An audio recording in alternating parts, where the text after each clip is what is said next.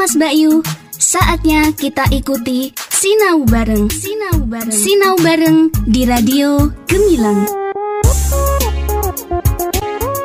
Kamas Bayu sahabat Gemilang, Assalamualaikum warahmatullahi wabarakatuh Salam sejahtera untuk kita semua Om Swastiastu, Namo Buddhaya Salam kebajikan, Rahayu Kamas Bayu kembali lagi berjumpa di 96.8 FM Radio Gemilang Jendela musik dan informasi Kamas Bayu kita kembali bersama di satu saja acara Pembelajaran jarak jauh via radio yang akan ditampilkan Bapak Ibu Guru Kabupaten Magelang yang berkompeten dan juga bersemangat untuk kembali menghadirkan materi-materi yang sangat bermanfaat buat anak didik di Kabupaten Magelang.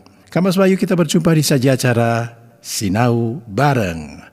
Satu saja acara spesial dari Radio Gemilang FM, tentu saja bekerja sama dengan Dinas Pendidikan dan Kebudayaan Kabupaten Magelang yang akan hadir untuk Anda setiap harinya pukul 7 hingga 8 dan 11 hingga 12. Kamas Bayu Sahabat Gemilang juga bisa berpartisipasi dengan memberikan masukan-masukan yang kontributif di WhatsApp Radio Gemilang FM di nomor 081 578 968 968. Kamas Bayu, tanpa panjang kata lagi, kita sambut saja acara Sinau Bareng di kesempatan hari ini. 96.8 FM Radio Gemilang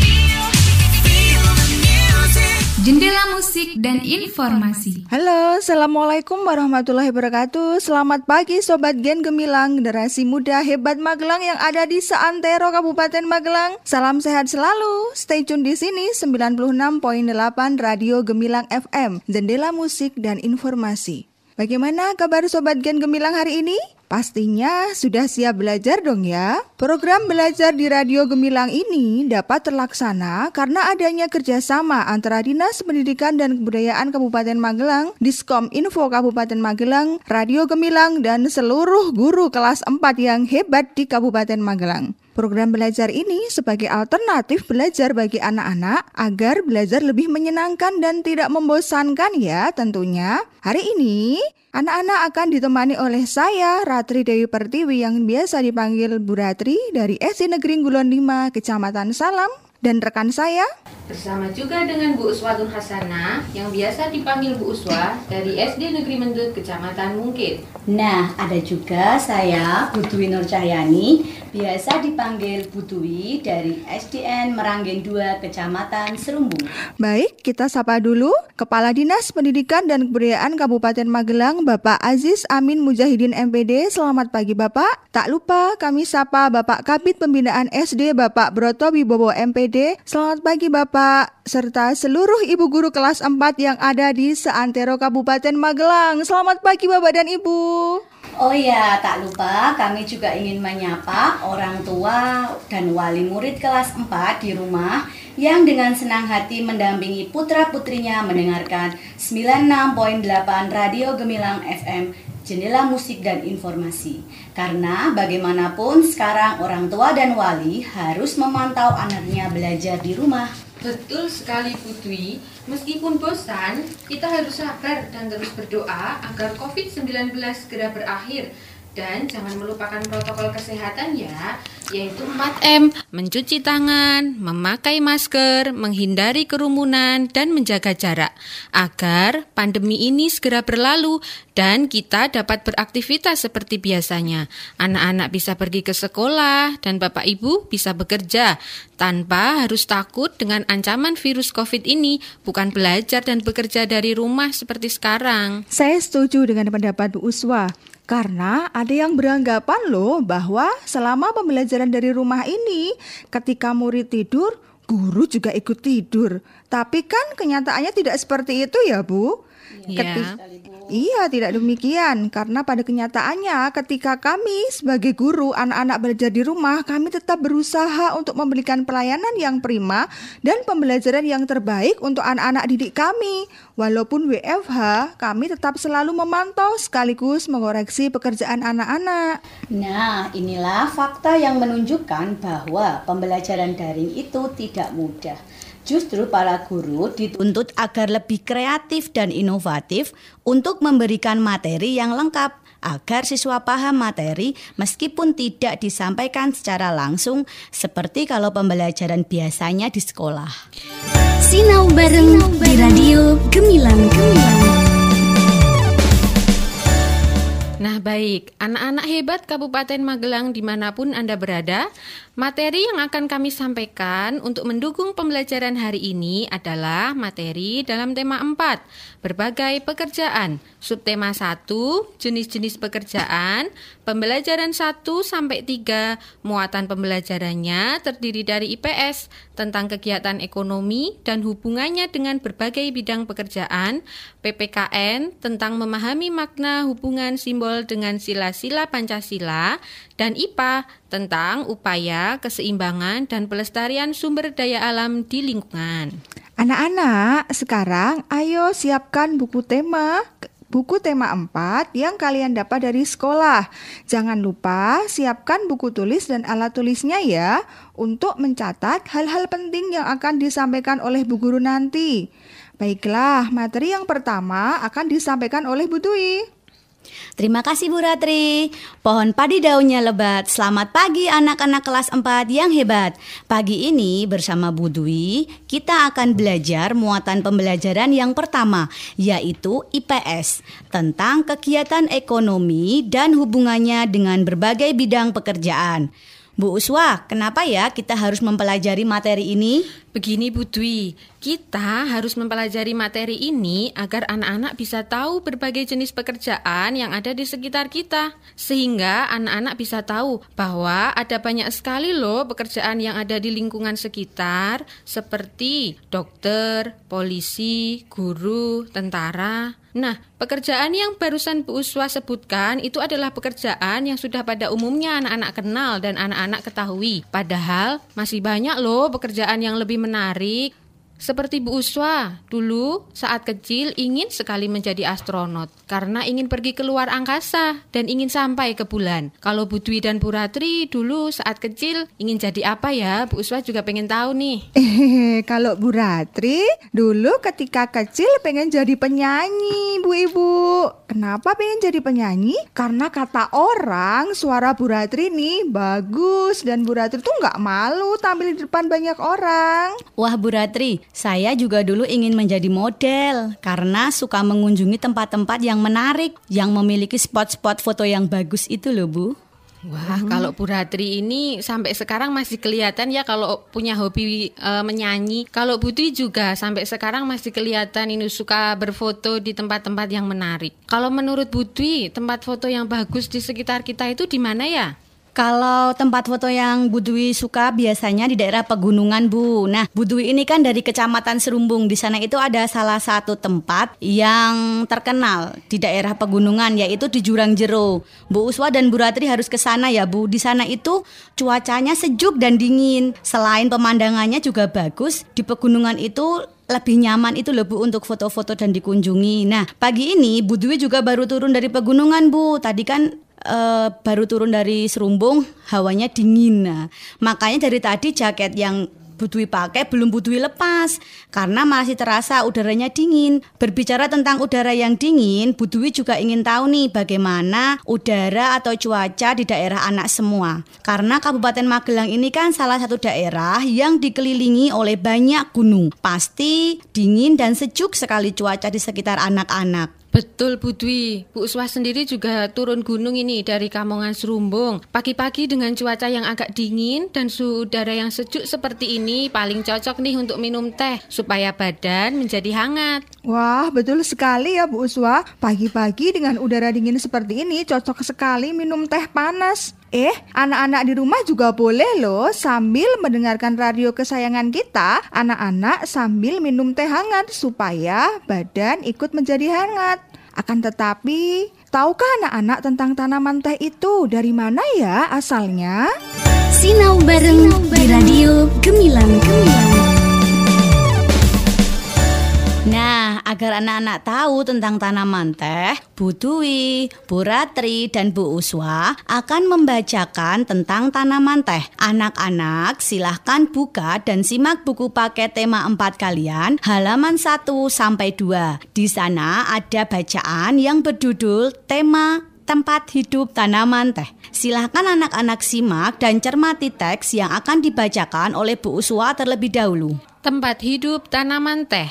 Teh merupakan minuman yang banyak dikonsumsi oleh masyarakat di berbagai belahan dunia. Di Indonesia, tanaman teh tumbuh subur di wilayah pegunungan yang berudara sejuk. Teh merupakan salah satu tanaman yang tumbuh di daerah dengan ketinggian antara 200 sampai dengan 2000 meter di atas permukaan laut. Tanaman teh dapat tumbuh dengan baik di daerah dengan suhu antara 14 derajat sampai 25 derajat Celcius yang cukup mendapat curah hujan karena tanaman teh tidak tahan terhadap kekeringan. Curah hujan sangat dibutuhkan untuk menjaga perakaran tanaman teh. Di Indonesia, perkebunan teh tersebar di beberapa wilayah pegunungan di Pulau Jawa dan Sumatera. Kedua pulau tersebut sangat mendukung pertumbuhan teh karena tanahnya sangat subur. Beberapa daerah perkebunan teh di Pulau Jawa antara lain Ciwidey dan Bogor di Jawa Barat, Brebes dan Wonosobo di Jawa Tengah, dan di Malang, Jawa Timur.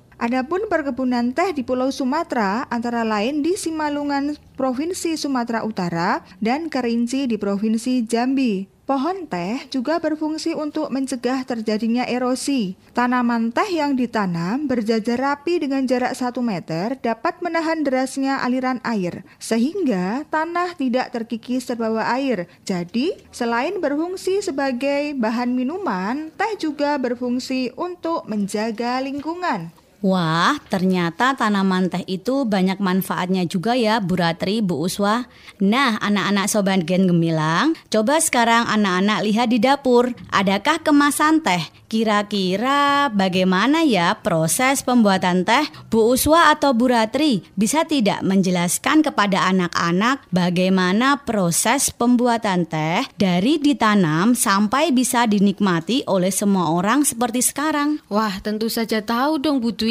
Proses pembuatan teh itu dimulai dari penanaman teh di perkebunan yang dilakukan oleh penanam teh. Kemudian, daun teh yang sudah siap dipanen dipetik oleh para pemetik teh. Selanjutnya, daun teh dikelola oleh penggiling daun teh. Dan proses terakhir adalah pengemasan teh ke dalam kotak sesuai ukuran oleh pengemas teh. Selain itu, setelah itu, barulah teh dapat dinikmati oleh anak-anak semua di rumah masing-masing. Wah, menarik sekali ya penjelasan dari Bu Uswa tadi. Kalau berdasarkan apa yang Bu Ratri dengar, dapat ditemukan beberapa jenis pekerjaan yang terlibat dalam proses pembuatan teh. Heyo, anak-anak mendengarkan tidak? Ada jenis-jenis pekerjaan apa saja ya?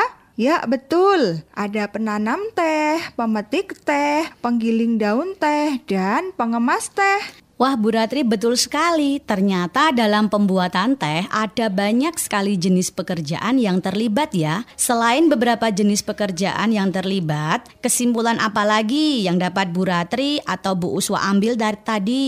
Berdasarkan penjelasan Bu Uswa tadi, tanaman teh memiliki banyak manfaat. Tapi, tahukah anak-anak bahwa teh selain diolah juga dapat mencegah erosi di daerah pegunungan atau dataran tinggi? Sinau bareng di Radio Gemilang Gemilang. Ada juga jenis tanaman lain yang dapat mencegah erosi di daerah pantai. Tanaman tersebut apa anak-anak? Betul, itu adalah pohon bakau. Bu Guru yakin anak-anak pasti pernah melihat pohon bakau dong ya? Karena pohon bakau ini banyak ditanam di daerah tepi pantai. Anak-anak pasti pernah kan piknik ke pantai? Bu Dwi dan Bu Uswa pernah? Pernah, dong, Bu. Nah, sekarang silahkan anak-anak buka buku paket kalian halaman 9. Perhatikan fakta tentang manfaat pohon bakau yang akan dibacakan oleh Bu Dwi. Ya anak-anak, sekarang perhatikan tentang fakta tentang manfaat bakau. Yang pertama, melindungi pantai dari erosi dan abrasi. Adanya bakau di pesisir pantai bermanfaat untuk menjaga agar garis pantai tetap stabil dan tidak terkikis oleh terpaan ombak. Rumpun-rumpun bakau mampu menyerap energi gelombang yang datang sehingga hanya riak gelombang yang sampai di sisi pantai. Yang kedua, menahan rembesan air laut ke darat. Dan yang ketiga, sebagai perangkap zat-zat pencemar dan limbah industri. Selain dapat menjaga daratan, bakau juga memiliki peran penting dalam mengurangi polutan di air laut. Yang keempat, menciptakan udara pesisir yang bersih dan segar. Daun bakau dapat menyerap gas karbon dioksida dan melepaskan oksigen ke lingkungan. Dengan demikian, udara di sekitar pantai tetap bersih dan segar. 5. Menjaga habitat alami berbagai biota darat dan laut. Kelestarian hewan darat dan laut seperti udang, kepiting, berbagai jenis ikan, burung, monyet, serta biawak terjaga dengan adanya hutan bakau di pesisir pantai. Dan yang terakhir, dapat mengurangi dampak bencana akibat gelombang laut seperti badai dan gelombang pasang. Terima kasih Bu Dwi dan Puratri yang telah membacakan fakta tentang pohon bakau. Ternyata pohon bakau dapat digunakan untuk menjaga lingkungan Nah, Anak-anak juga bisa melakukan kegiatan menjaga lingkungan yang lain loh, seperti membuang sampah di tempatnya, tidak mencemari sungai, dan menanam pohon di lingkungan sekitar. Bu Uswa, menjaga lingkungan memanglah menjadi tugas kita semua. Anak-anak juga harus menjaga lingkungan ya, karena menjaga lingkungan ternyata merupakan salah satu contoh penerapan makna sila Pancasila, yaitu sila kedua. Oh iya, Bu Ratri, membicarakan makna Pancasila sejak pandemi ini anak-anak sudah lama tidak melaksanakan upacara bendera. Biasanya kan anak-anak selalu menirukan bapak dan ibu guru saat membacakan teks Pancasila. Wah, betul sekali ya Bu Dwi. Prihatin saya, kiranya kurang lebih sudah enam bulan anak-anak tidak pernah melaksanakan upacara bendera setiap hari Senin. Nah, alangkah lebih baiknya kita mengingat kembali bunyi-bunyi sila pada Pancasila. Tapi sebelum itu, bagaimana Bu Dwi dan Bu Uswa kalau kita menyanyikan lagu Garuda Pancasila biar anak-anak di rumah tuh nggak sepaneng. Oke ya? Oke, Bu. Satu, dua, tiga. Garuda Pancasila, akulah pendukungmu. Patriot proklamasi, sedia berkorban untukmu. Pancasila dasar negara, rakyat adil makmur sentosa, pribadi bangsaku. Ayo maju, maju, ayo maju, maju, ayo maju, maju. Ye, ternyata suara Bu Dwi dan Bu Uswa nggak kalah bagus loh dengan suara Bu Ratri. Aduh, kepedean sekali ya Bu Ratri ya. Sinau bareng di Radio Gemilang Gemilang.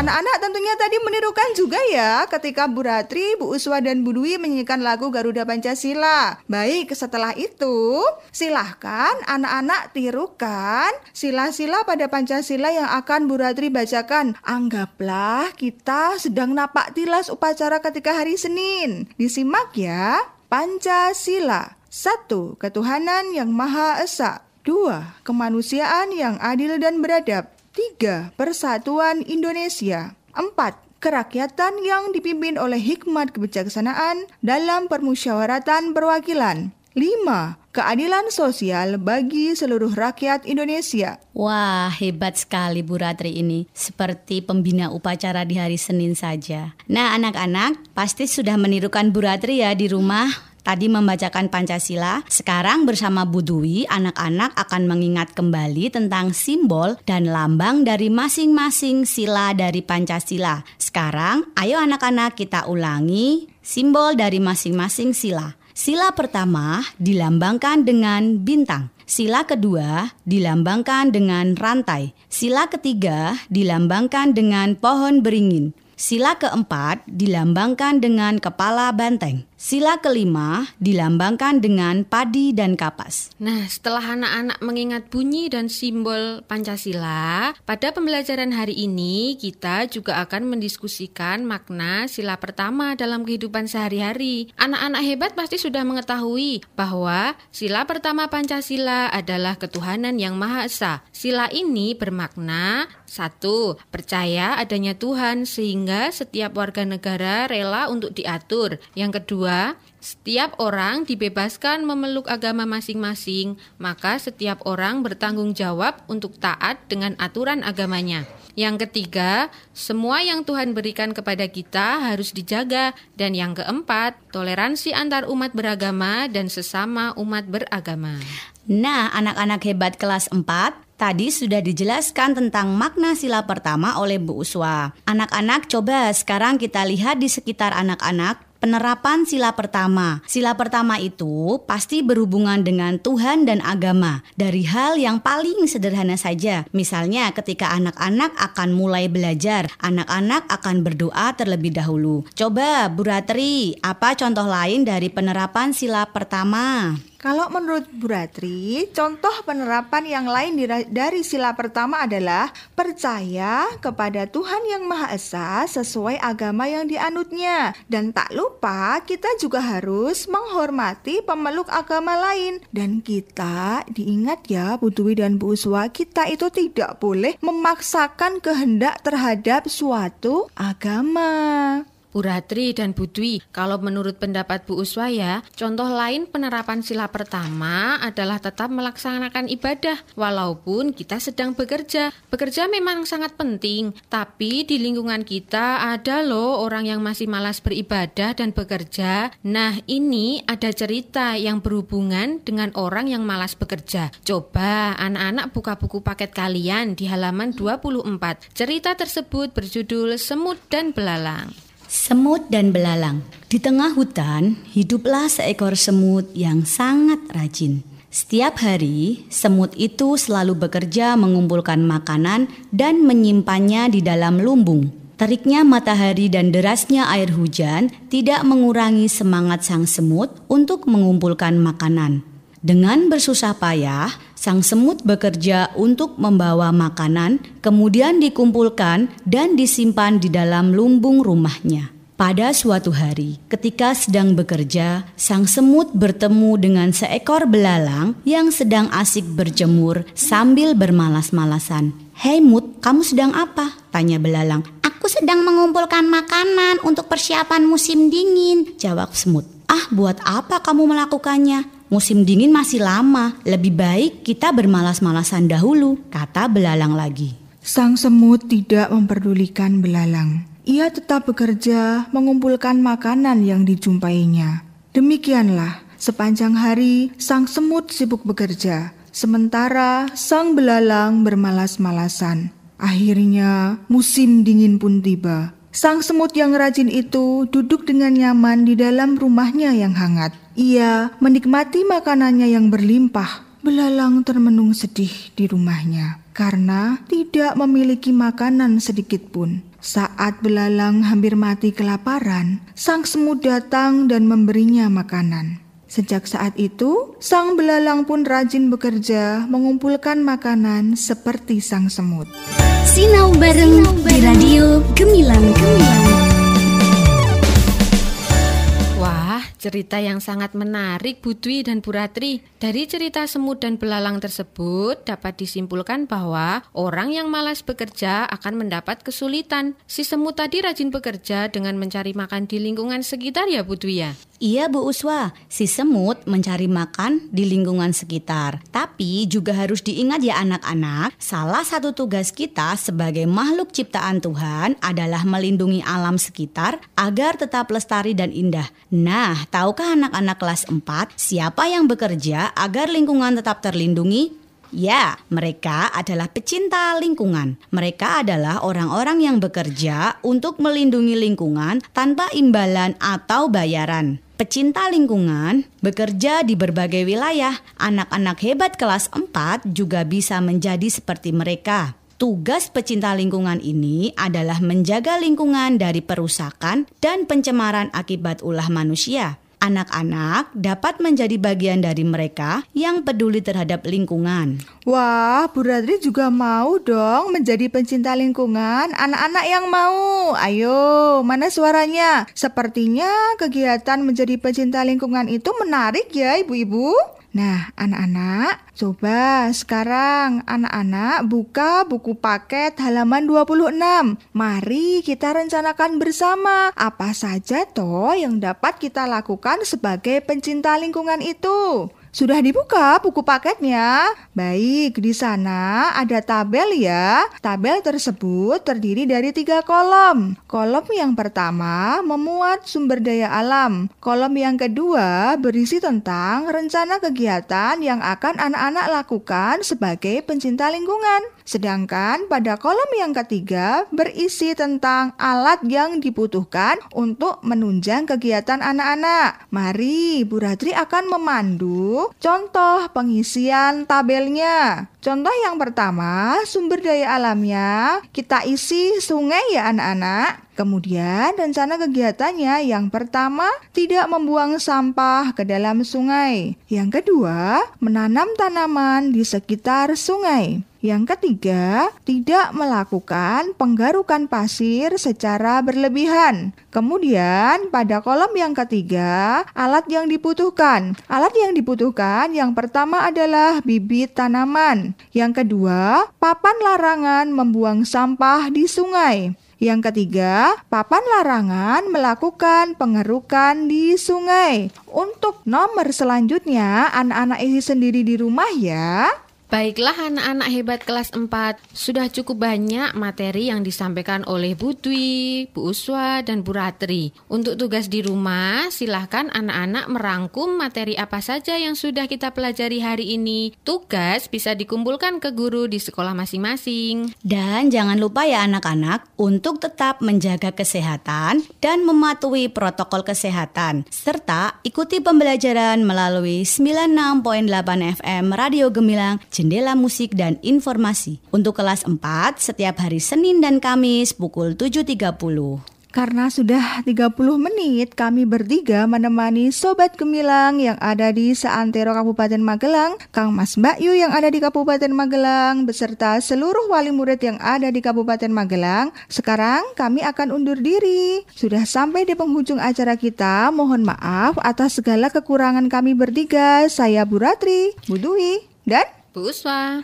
Mohon diri, jalan-jalan ke kota Solo, jangan lupa naik delman. Cukup sekian belajar dari radio, sampai bertemu Kamis depan. Sobat Gen Gemilang, generasi muda hebat Magelang, salam sehat selalu. Wassalamualaikum warahmatullahi wabarakatuh.